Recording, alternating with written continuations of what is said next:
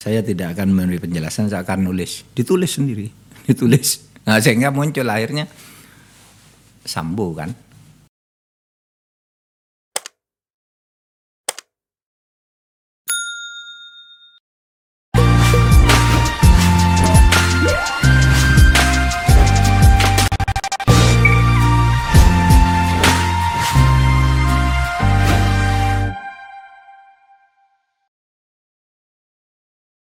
Mungkin karena kita terlalu sering uh, menyaksikan sebuah peristiwa semata sebuah kejadian, maka itu berulang dan kemudian kita lebih sering bereaksi seadanya.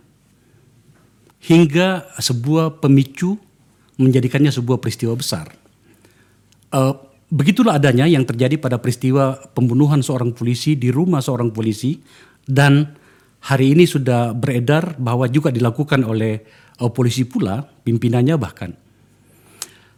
Pada situasi itu hadirlah seorang pejabat tinggi negara, sebuah seorang menteri senior, Menko Polhukam Pak Mahfud MD berbicara tentang kasus ini yang kemudian mengawalnya hingga terungkap setidaknya pada sampai pada hari ini.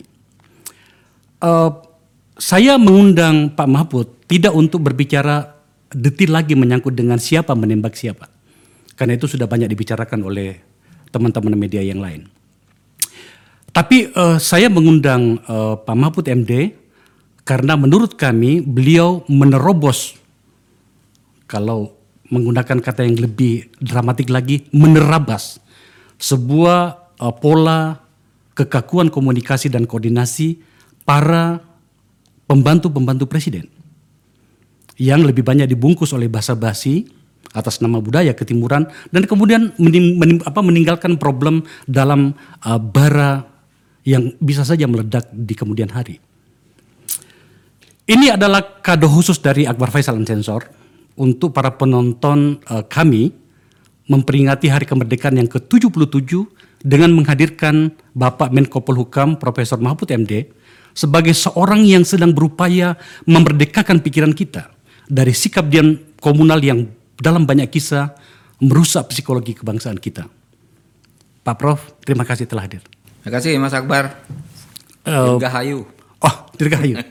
Saya merasa terhormat sebab tampaknya baru kali ini Pak Mahfud MD datang ke sebuah forum dan itu adalah forum saya menggunakan baju lengkap seperti ini sebab baru pulang dari uh, pidato presiden, pidato di, DPR. presiden di DPR. Sekali lagi terima kasih banyak Prof. Terima kasih Mas Akbar. Uh, saya ingin memulai dengan uh, begini. Peristiwa itu Pak Menko dengarkan ketika masih berada di Mekah. Iya. Apa yang setelah itu Pak Menko lakukan? Uh, setelah itu pertama ketika saya banyak mendapat pertanyaan dari wartawan ada polisi membunuh polisi saya telepon staf khusus saya Mas Rizal. Mas ini ada apa? Terus uh, tidak lama dia beri kabar bahwa ini di wartawan memang sedang ramai nih katanya hmm. ada ini. Terus saya buka semua itu YouTube. Uh, loh kok keterangannya begini? Gitu Uh, terus uh, saya dengar orang-orang itu terbawa tuh pada opini bahwa uh, terjadi tembak menembak. Tapi penjelasannya tidak memuaskan sama sekali, terutama karena yang saya dengar itu kenapa tembak menembak kok terjadi Jumat sore baru Senin sore diumumkan okay. gitu. Terus sudah itu saya telepon juga. Uh, saya ikuti pendapat-pendapat lain. Kemudian saya mencuit dulu bahwa ini ada kejadian kok tidak sinkron ya antara fakta rangkaian fakta dengan fakta lain itu tidak logis gitu. Okay. Terus saya mencuit itu rame di Indonesia dikutip lalu saya bicara lewat uh, virtual dengan sebuah televisi ya ya saya bicara biasa aja. Bagi saya nggak masuk akal tuh saya bilang. Kenapa kok hari Minggu eh hari Jumat ke Senin? Kemudian masa tembak menembak hanya diberitakan seperti sekilas begitu? Tidak jelas alat buktinya apa? Kan harusnya ditunjukkan dong hmm. TKP-nya gimana. Kok cuma seperti meskipun dia konversi pes tetapi seperti doorstop aja seperti ngomong se hmm. sekilas gitu pun Kapolres Jakarta Selatan begitu. Nah, akhirnya sesudah saya pulang, saya, saya ngomong lewat TV bahwa itu aneh, tidak bagus, gitu, ah, tidak tidak masuk akal. Gitu waktu saya pulang dari Mekah itu kena covid sebentar, lalu saya panggil Kompolnas. Kompolnas itu saya ketuanya, tapi pelaksana hariannya Pak Pak Pak Mamoto, Beni Mamoto. Saya kena covid dulu empat hari, habis itu saya panggil eh, ke rumah apa eh, kok bapak itu jadi anu loh saya bilang. Jadi eh, rasanan orang banyak saya bilang. Kenapa kok dibilang bahwa ini wajar terjadi tidak ada apa namanya yang aneh. Betul itu terjadi tembak menembak bahkan dia menjelaskan bahwa tidak ada penganiayaan kalau kulit mayat tuh seperti disayat. Gitu tuh rikoset biasa aja dia bilang begitu. Itu kan tidak masuk akal pak gitu. Nah isunya di luar saya bilang eh, Kompolnas dan Komnas Ham saya bilang. Isu di luar Kompolnas dan Komnas Ham itu eh, sudah di dipengaruhi lah sudah di skenario. Bahkan kalau saya tunjukkannya ada di medsos sudah dibayar. Apakah bapak pernah berhubungan dengan eh, Sambo atau orangnya. Yang jawab Pungki. Pungki ini anggota anggota eh, perempuan. Anggota Kompolnas. anggota kompolnya jawab saya pak yang dipanggil. Gimana?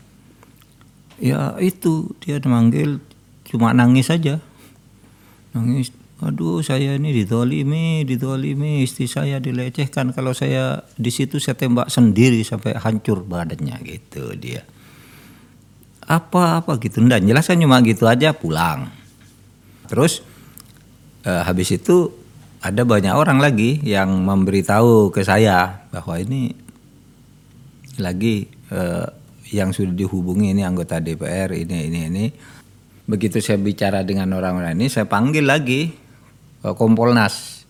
Saya bilang Pak ini kita harus ganti.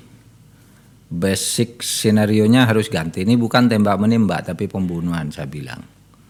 Oleh sebab itu mulai sekarang eh, kita ikuti aja alurnya ini yang di para pengacara. Itu menurut saya itu lebih logis karena dia punya bukti-bukti lain dan rentetan peristiwa yang dikemukakan oleh mereka lebih masuk akal daripada yang ada skenario oh, tembak Iya. menembak itu gitu. Nah, sejak itu Kompolnas selalu berubah kan ikut terus apa yang diusulkan oleh eh, kelompoknya keluarga itu misalnya mintanya otopsi ulang eh, kita dukung otopsi ulang. Ketika penguburan mereka polisi belum mau kita bikin surat Kompolnas itu harus dikuburkan dengan upacara polisi itu itu pun kan sampai malam itu oh tarik menariknya lama kan. Polisi ndak mau. Orang membunuh orang kok mau dikubur secara polisi. Padahal eh, apa eh, menurut aturan polisi yang boleh dikubur secara ke di kedinasan itu ya kalau orang meninggal dalam jasa. Ini kan eh, apa mau mem- memperkosa mau, mau, melecehkan.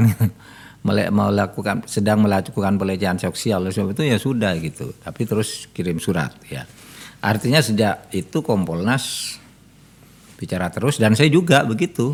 Artinya saya ngarahkan ke senario sebaliknya. Sampai akhirnya eh, terakhir kan Barada itu dipanggil Iya. ke kompol ke ke ke Komnas HAM lalu mengaku saya yang menembak. Saya tanya gimana tuh cara jawabnya? Dingin aja tuh dia pokoknya saya yang menembak. Loh kamu tak enggak tahu kalau ditembak? Ya enggak terasa karena waktu itu panik ya, anu gitu saya tembak aja gitu ngakunya oh ini enggak benar lagi. Terus saya terus komunikasi dengan polisi saya komunikasi juga dengan publik karena terkadang kalau komunikasi langsung itu kan kadang-kala kan tidak efektif. Harus ada dukungan udara. Oleh sebab itu ketika wartawan tanya ini logikanya menurut saya gini loh gitu. Dan saya komunikasikan ke polisi dan betul kan akhirnya berubah. Iya. Eh, akhirnya ditemukan oleh polisi gitu. Dan so far menurut saya Pak Kapolri bagus lah anu bagus dalam pengertian dia masuk setiap usul tuh ya ya ya Pak Ya. gitu I- Itu anu Prof, itu yang kita kemudian dengarkan dan ikuti dari publik dan kemudian kami terjemahkan bahwa itulah formula Menko Polhukam mengawal kasus ini. iya Eh, kita berterima kasih untuk itu. Tapi saya ingin seperti pembukaan saya tadi ingin berbicara tentang eh, apa namanya itu relasi antar perangkat-perangkat kekuasaan. Maka saya ingin bertanya kapankah pada saat itu Pak Menko berkomunikasi dengan presiden dan bagaimana selanjut selanjutnya? Eh, saya ber- berkomunikasi dengan presiden tidak tidak lama sesudah itu karena eh, ketika ada seorang pengusaha itu mantu gitu ya, saya ketemu dengan Pak Pramono Anung. Oke. Saya tanya Pak Pram, saya mau ketemu presiden gitu. Ini kasus ini gimana? Pak Presiden arahnya, wah tegas Pak, ndak perlu, yakinlah saya.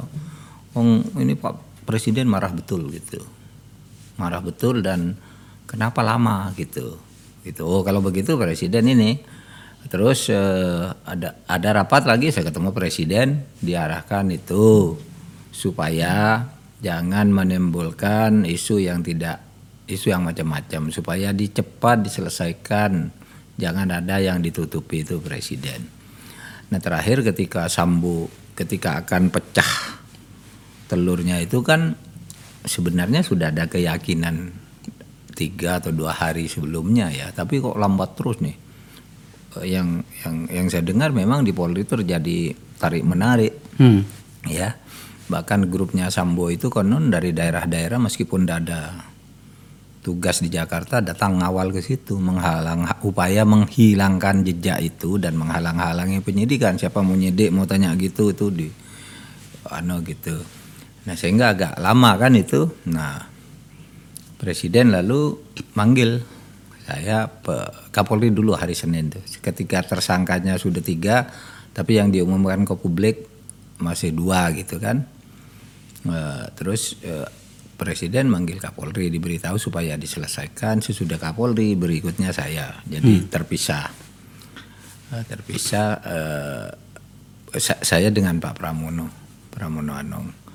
Jadi ada petunjuk Pak ya. Oh iya semula bicara soal hak asasi manusia udah selesai terus ada petunjuk Pak. Iya itu soal Kapolri itu ngapa lama-lama gitu.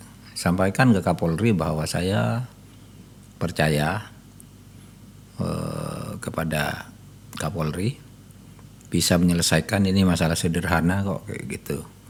Eh, tapi jangan lama-lama, segera diumumkan gitu kan.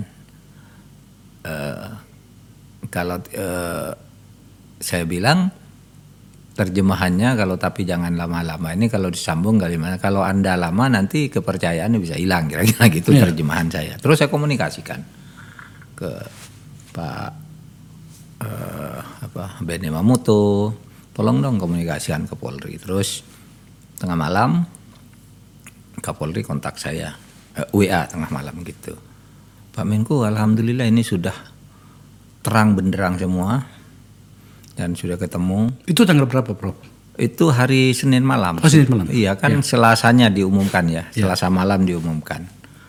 Tengah malam anu karena saya sorenya kirim pesan presiden ini saya loh saya bilang. Kalau terlalu lama nih eh, masalah terus. Kira-kira jam satu malam gitu terus ada itu pesan dari beliau ini Pak Menko sudah beres semua sudah terang benderang sudah sesuai petunjuk presiden. Besok kami jumpa pers kami ngomongkan gitu.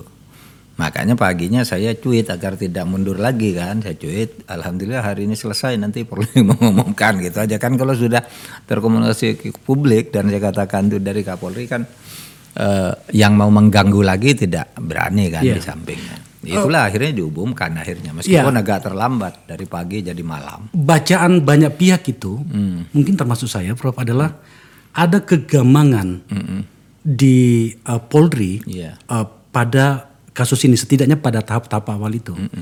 Apa yang terjadi sebenarnya, Pak Menko? Ya mungkin karena banyak di sana banyak faksi-faksi ya. Makanya saya katakan ada eh, political barrier, ada psikologis juga apa namanya eh, psikostruktural gitu hambatan-hambatan struktural kan.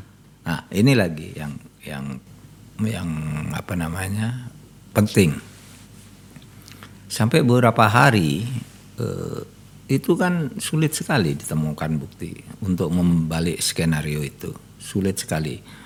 Nah lalu saya panggil eh, Pak eh, Beni Mamutu lagi, kan dia yang anggota di dalam. Pak Ben ini kenapa kok lama kan sudah eh, arahnya se- seharusnya udah berbelok. Ya. bilang.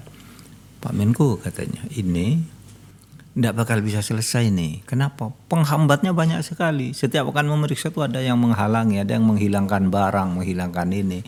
Siapa itu?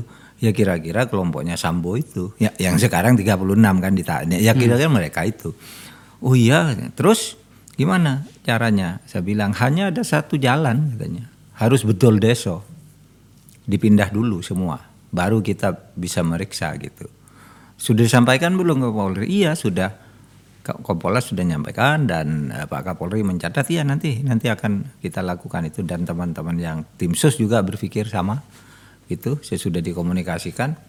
Nah itulah kemudian terjadi pemindahan itu kan. Hmm. Sambo di nona apa Sambo ditahan kemudian 56 o- 25 orang pada waktu itu kan dipindah semuanya dari Propam. Nah dari situ kan terus lancar semua. Semua ketemu kan semua ketemu akhirnya si eh, sesudah itu kan baradanya lalu mengaku saya agak sudah terceritakan lah ke Iya. publik ya saya- dia nulis sendiri pengakuannya itu bagaimana membunuhnya ada siapa di situ dan seterusnya menjadi lancar semua akhirnya Eh, Saya akan eh, masuk pada poin-poin seperti pembukaan saya tadi, Prof. Tapi ada satu yang ingin saya tanyakan. Itu Pak Prof ingin me- menyatakan kata menjijikkan Hmm.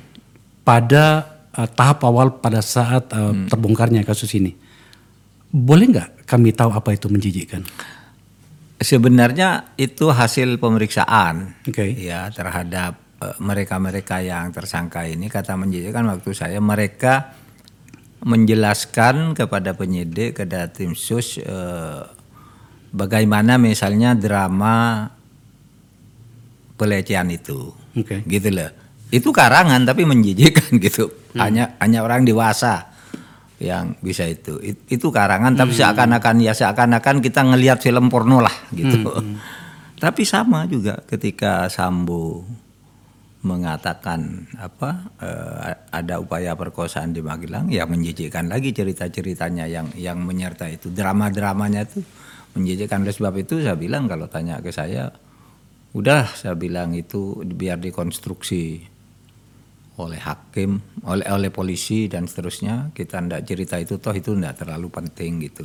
Tapi kata menjejekkan itu sebenarnya dalam konteks cerita-ceritanya seperti cerita porno yang yang brutal lah gitu ya. Sehingga eh, ya saya saya bilang begitu kesaksian-kesaksian itu. Faktanya saya tidak tahu. Ya, Tapi banyak kalau- yang banyak yang menerjemahkannya apa namanya kejauhan tampaknya gitu ya. Ya kejauhan.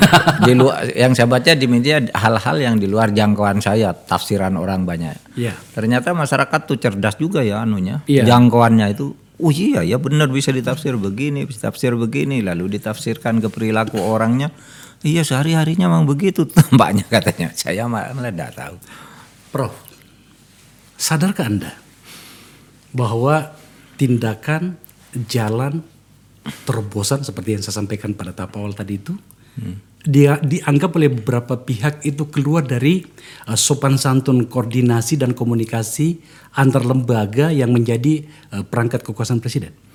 sadar karena ada orang yang mengatakan itu kan tetapi saya merasa itu jalan yang paling mudah saya tempuh sejak dulu. Artinya saya lempar ke publik agar opini publik itu terbentuk berdasar fakta gitu. Nah kalau sudah terbentuk berdasar fakta kan eh, gampang Ya. mengarahkannya. Kan sama kan ketika saya dulu menggugah kasus eh, eh, cicak dan buaya. Kan sudah si apa si Samad Chandra itu kan udah ditahan kan. Saya bilang mau saya setel Eh, saya mau saya setel tuh rekaman bahwa itu ada permainan antara polisi dan macam-macam. Terus saya diancam. Mau disita. Nah, saya lempar aja ke blog gitu. Sita saya hakim. Nggak boleh eh, perintah hakim itu nggak boleh dilawan dia bilang. Akhirnya nggak disita juga. Saya setel lalu kan keluar bibit samad. Itu dukungan publik kan sebenarnya. Tetapi di atas itu sebenarnya saya eh, kontak presiden bahwa saya akan melakukan itu dan ini demi kebenaran. Yang ini saya tidak kontak presiden tapi saya tahu presiden sudah menunjukkan itu dan eh, apa perintahnya tuh bisa diterjemahkan dengan cara ini. Karena banyak saya pengalaman, saya banyak pengalaman Mas Akbar ya.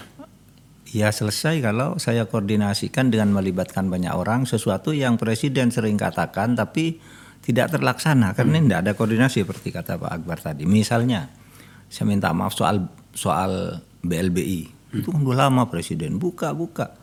Terus siapa yang bertanggung jawab menteri ini ndak, menteri itu ndak, menteri itu ndak. Saya bilang ke presiden, Pak, saya koordinasikan tapi saya minta ke pres. Ya. Saya akan memimpin men- menterinya disebutkan yang harus ikut saya. Keluar ke pres, jalan. Sama ketika ketika FPI mau di, dinyatakan bubar atau tidak punya legal standing itu kan udah bertahun-tahun. Dulu Pak ini yang mengatakan sudah pokoknya kalau saya sudah Kapolri saya diberi waktu sekian bulan. Kapolri berikutnya sama. Lalu di mana masalahnya? Gitu. Setiap saya tanya ke presiden ternyata saling tunjuk nih ada tujuh institusi itu. Saya bilang ke presiden, saya yang memimpin pak. Iya itu cepat itu gitu. Biar jelas saja, biar tidak dikira kita sewenang-wenang, tidak punya alasan macam-macam kan. Ya dikeluarkan impres, saya ditunjuk selesai. BLBI juga begitu. Yang korupsi, korupsi di Kemhan tuh, yang satelit itu kan juga gitu. Berapa tahun tuh? Udah lama sekali sejak tahun 2012. Nggak ada yang berani. Saya bilang masa nggak berani disentuh, saya datangi Pak Panglima. Gimana Pak ada gini? Loh kalau Pak Menko mau silakan tuh hukum. Saya datang Pak Prabowo. Iya juga. Loh kalau begitu siapa yang tidak mau ini? Saya panggil semua. Panggil semua akhirnya jadi kasus sekarang Iya. masuk ke pengadilan kan sekarang. Nah ya saya cara begitu kan tugasnya memang koordinator, tidak punya kewenangan yang secara apa namanya yuridis saya ditunjuk melakukan ini kan tugasnya korsidal ya koordinasi, eh, sinkronisasi dan pengendalian aja. Masalah pokoknya itu kan ada di undang-undang ini yang dimaksud menteri dalam undang-undang ini adalah menteri kehakiman. Yang dimaksud menteri dalam ini adalah menteri misalnya Kominfo. Tidak ada enggak, ada yang dimaksud menteri adalah Menko Polhukam. Tidak ada kan loh di dalam undang-undang ya yang punya tugas tertentu.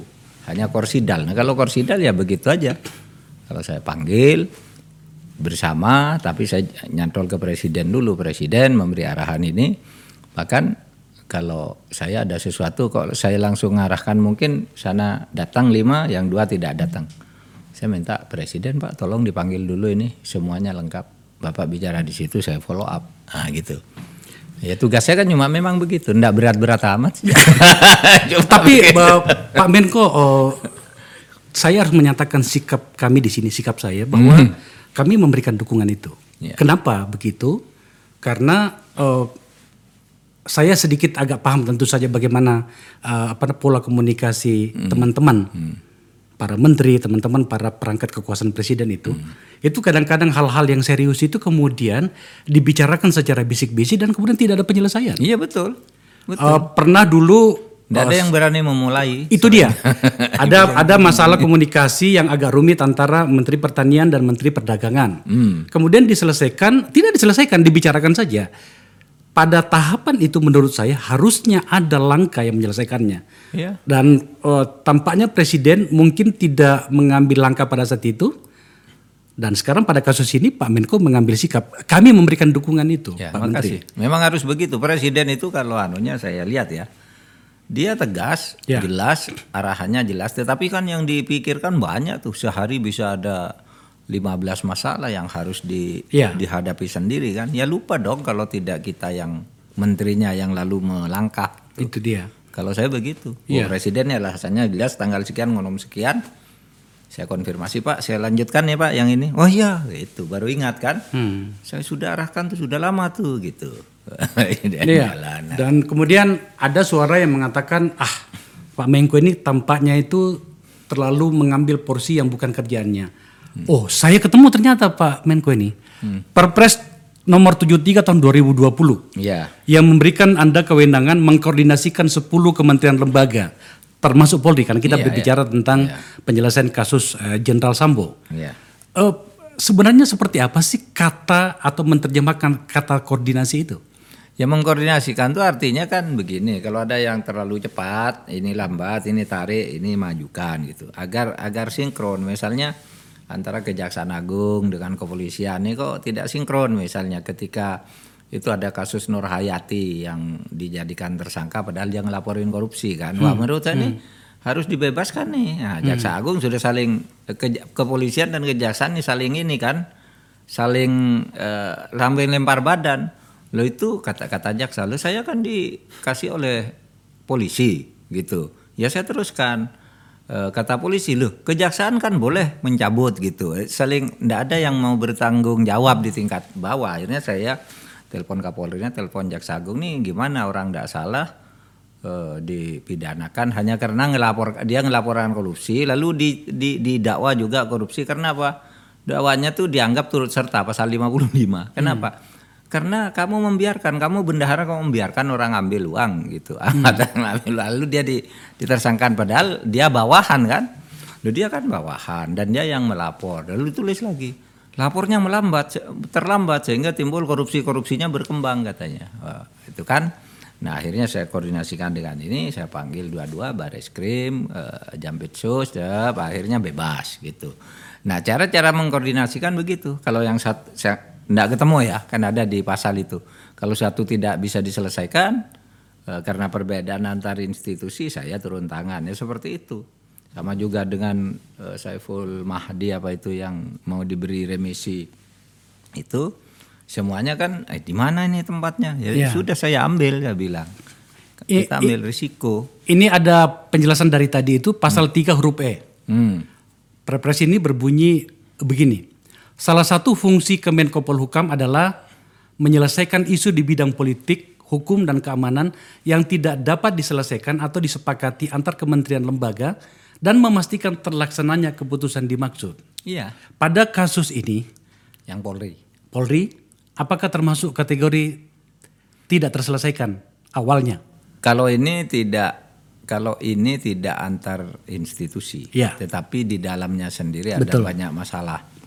Eh, yang jelas eh, ada hambatan-hambatan di dalam secara struktural ya karena ini tidak bisa dipungkir ini ada kelompok sambo sendiri nih yang seperti seperti menjadi eh, kerajaan Polri sendiri di dalamnya. Seperti ma- sub mabes lah yang sangat berkuasa.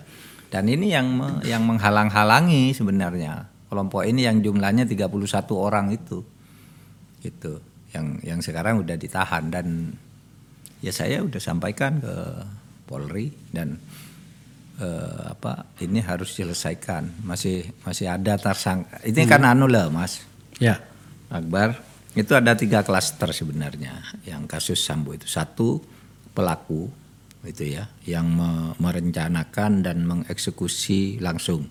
Nah ini yang kena tadi pasal pembunuhan berencana. Karena dia ikut melakukan ikut merencanakan eh, dan ikut memberi pengamanan di situ lalu yang kedua yang bagian eh, ano obstruction of justice ini tidak ikut dalam eksekusi tapi karena merasa Sambo yang mengkoordinasi ini bekerja nih bagian obstruction of justice ini membuang barang anu gini membuat rilis palsu dan macam-macam ini tidak ikut melakukan. Nah menurut saya kelompok satu dan dua ini tidak bisa kalau tidak dipidana.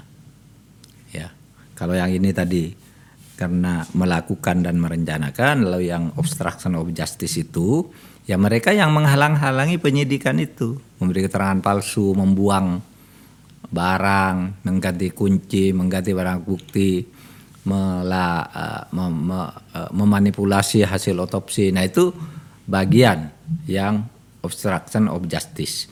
Lalu ada kelompok ketiga yang sebenarnya cuma ikut-ikutan nih kasihan nih. Karena jaga di situ kan Terus di situ ada laporan harus diteruskan dia teruskan gitu. Padahal nih laporannya enggak benar. Prosedur jalan, diperintah ke sana jalan, suruh buat sini ngetik ngetik gitu. Nah itu bagian yang pelanggaran etik. Eh, saya berpikir yang harus dihukum itu dua kelompok. Pertama yang kecil-kecil ini yang hanya ngetik, hanya ngantarkan surat, eh, menjelaskan bahwa bapak tidak ada, memang tidak ada misalnya yang begitu.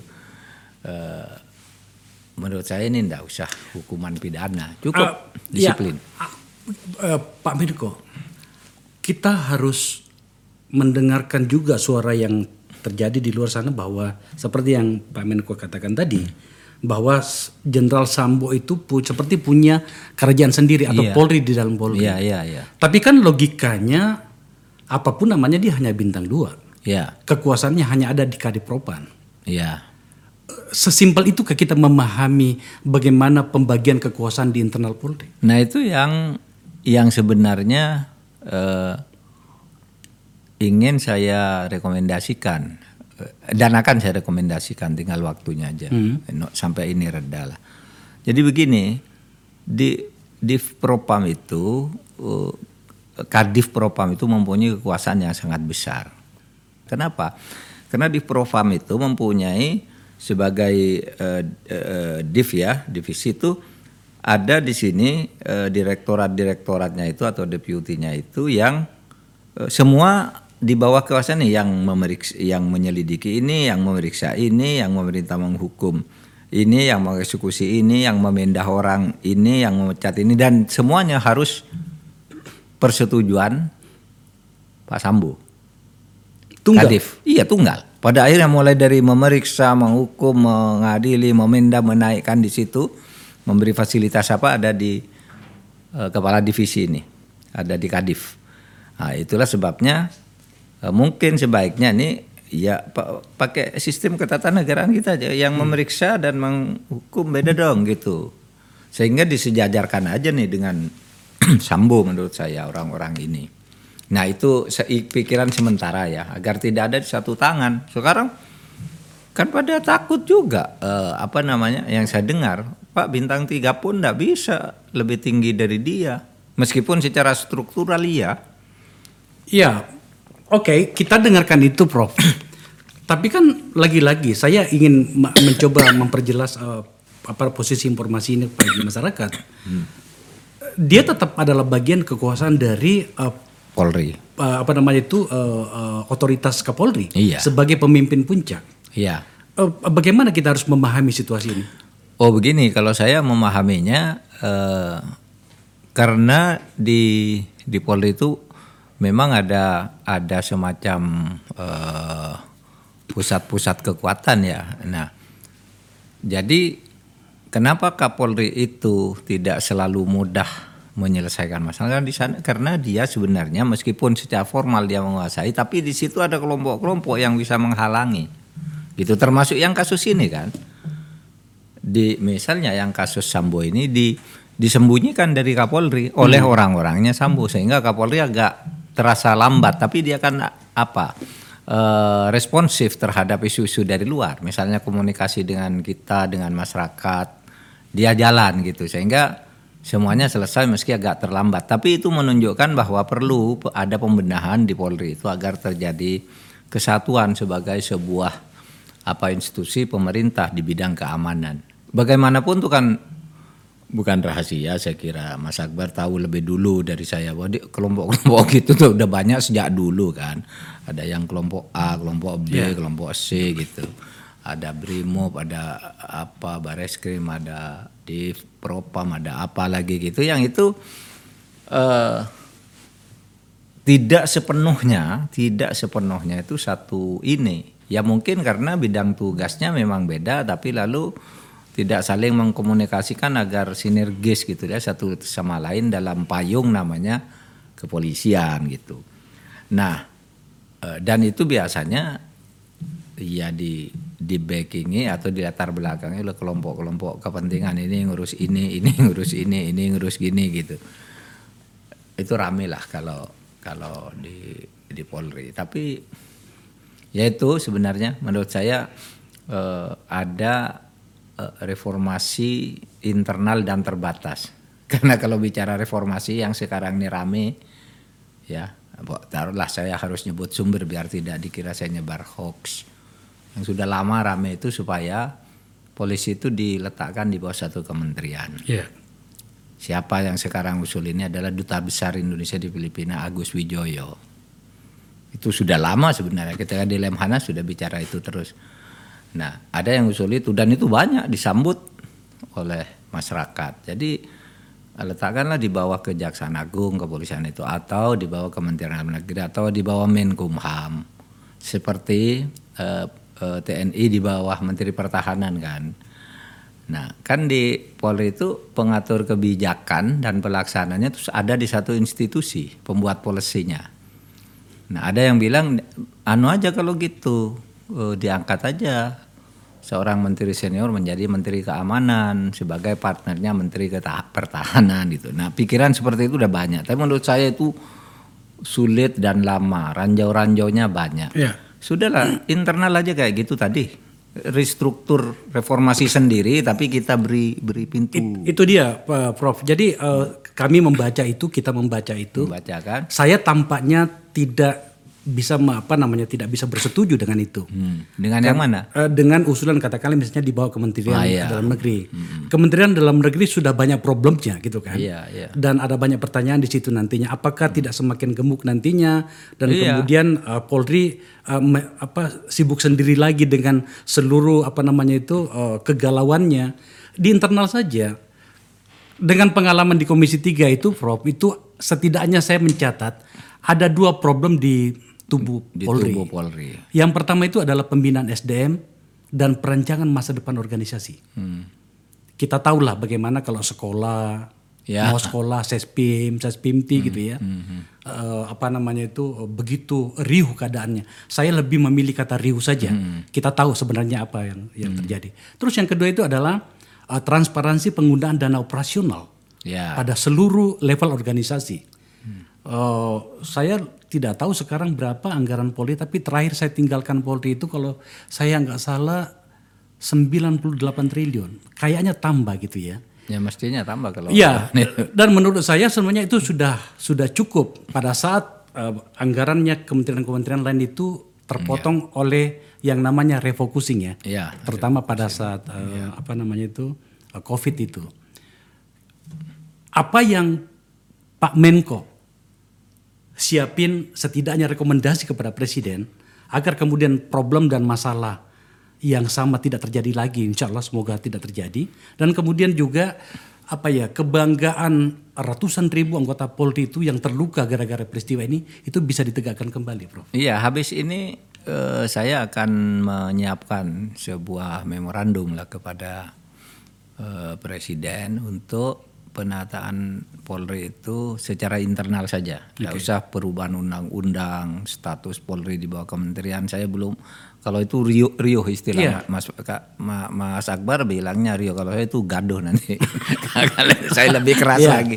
Itu gaduh saya sudah tahu akan gaduh. Tapi kalau coba eh, diatur itu semua secara internal tadi penggunaan dana gitu ya, rekrutmen rekrutmen calon eh, apa namanya? Pimpinan ya. iya calon pimpinan gitu.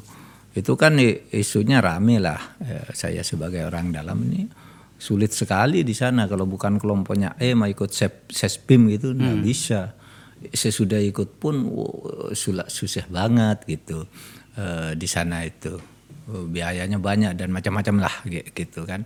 Nah seperti itu kan bisa diatur lagi cara rekrutmen siswa taruna dan sebagainya itu kan bisa diatur lagi agar lebih lebih terbuka dan lebih dirasakan manfaatnya oleh eh, rakyat Indonesia. Lalu kemudian mencairkan ini sekat-sekat antar antar antar pejabat-pejabat es- kekuatan-kekuatan yang yang yang dikomandani oleh eh, apa namanya perwira tinggi oleh pati itu. Ya seperti tadi misalnya di eh, di Propam itu ya itu tadi divisi-divisinya itu supaya itu diberi di- dipisah. Ya ada yang yang saya tadi ikut kekuasaan aja yang yang klasik gitu ada yang mengatur ada yang memeriksa ada yang menghukum ada yang mengeksekusi. Ya sekarang ini ada di satu tangan hanya dibantu oleh orang. Dia juga yang buat aturan dia yang nyuruh periksa.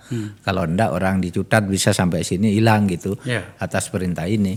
Nah itu yang menyebabkan kemudian di Propam itu meskipun hanya bintang dua, tapi itu bisa eh, bintang lima karena yang di bawah, iya yang bawahnya yang satu-satu tuh ada di dia semua itu.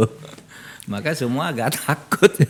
Ya, eh, saya yakin kita bersepakat bahwa peristiwa ini sangat serius. Ini Iya, sudah sangat serius. Udah satu bulan ini. Sangat serius. kita iya. di kita diharu biru oleh informasi ini. Tapi yang saya mau katakan begini, tampaknya untuk pertama kalinya ya. eh, ada peristiwa yang terjadi di internal Polri atau menjadi kewenangan Polri itu kemudian TNI harus melibatkan atau mungkin dilibatkan. Saya tidak tahu. Mungkin Pak Prof bisa menjelaskan kepada kita. Dalam hal ini adalah melakukan visum et repertum. Ya, visum et Iya, repertum. itu tidak pernah sebab ini adalah keahlian Polri. Saya ingin mengatakan bahwa tampaknya banyak orang yang gusar. Saya mengartikan karena ini antar instansi, ini pasti ada campur tangan presiden. Prof, seberapa gusar sih sebenarnya presiden dengan peristiwa ini? Penyelesaian kasus ini. Kalau gusarnya gusar sejak awal sudah presiden uh, marah benar ini katanya supaya segera diselesaikan. Wah, begitu saya pulang dari Mekah makanya saya konfirmasi teruskan kan ke presiden Ya. untuk itu yang terus presiden mengatakan saya percaya tapi harus cepat gitu.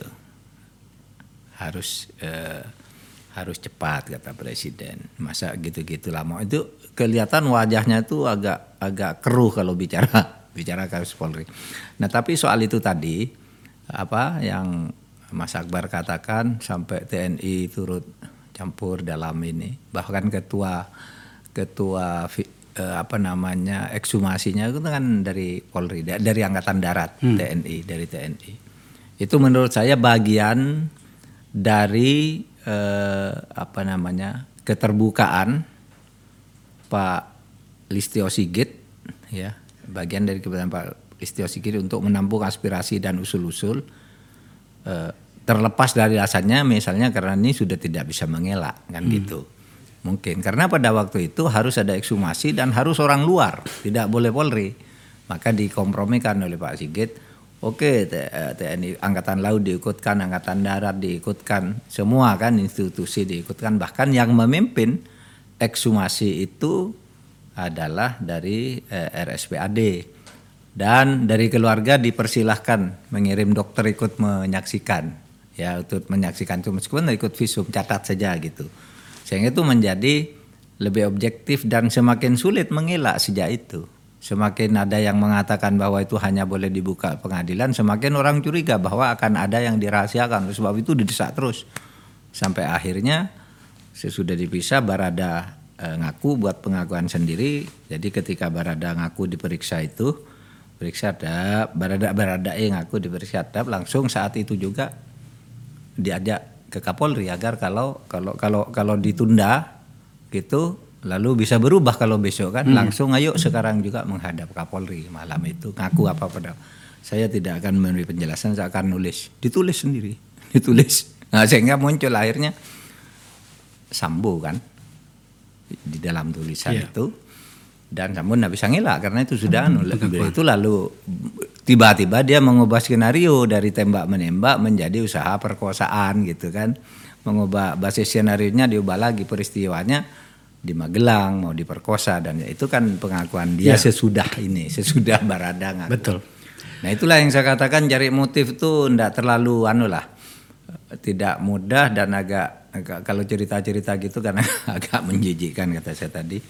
Tapi juga kan tidak penting ya di dalam hukum pidana itu. Iya. Iya kan? Peristiwanya kan sudah jadi. Peristiwanya dia jelas, nembak, disaksikan orang dan dia ngaku. Betul. Cuma sekarang sinarionya berubah ya udah itu aja. Ini kan motif nih skenario tuh untuk mengetahui motif. Kalau faktanya sudah ditemukan, Itu itu yang membuat kita lelah Prof ya karena uh, begitu banyak informasi yang terlontar ke ruang publik yang dalam banyak case itu bertabrakan satu sama lain dalam waktu yang sangat cepat. Tapi oke, itu biarkanlah kemudian nantinya akan terbukti di pengadilan. Ada satu hal yang betul-betul saya penasaran karena ini akan menggambarkan kepada kita apa yang terjadi dan kemudian ke mana arah organisasi Polri. Waktu eh, Pak Menko Polkam mengatakan bahwa ada ketegangan di lantai tiga Tronojoyo sebelum pentersangkaan Jenderal Ferdi Sambo. Hmm. Ada Jenderal Bintang tiga yang berbeda sikap. Saya menggunakan kata yang agak agak soft ya. Sebenarnya apa yang terjadi, uh, Prof? Saya tidak kepo untuk mengetahui siapa marah kepada siapa. Bah- bahkan apakah benar ada acara pukul-pukul meja sebab di antara pimpinan Polri itu tidak mengenal kebudayaan seperti itu.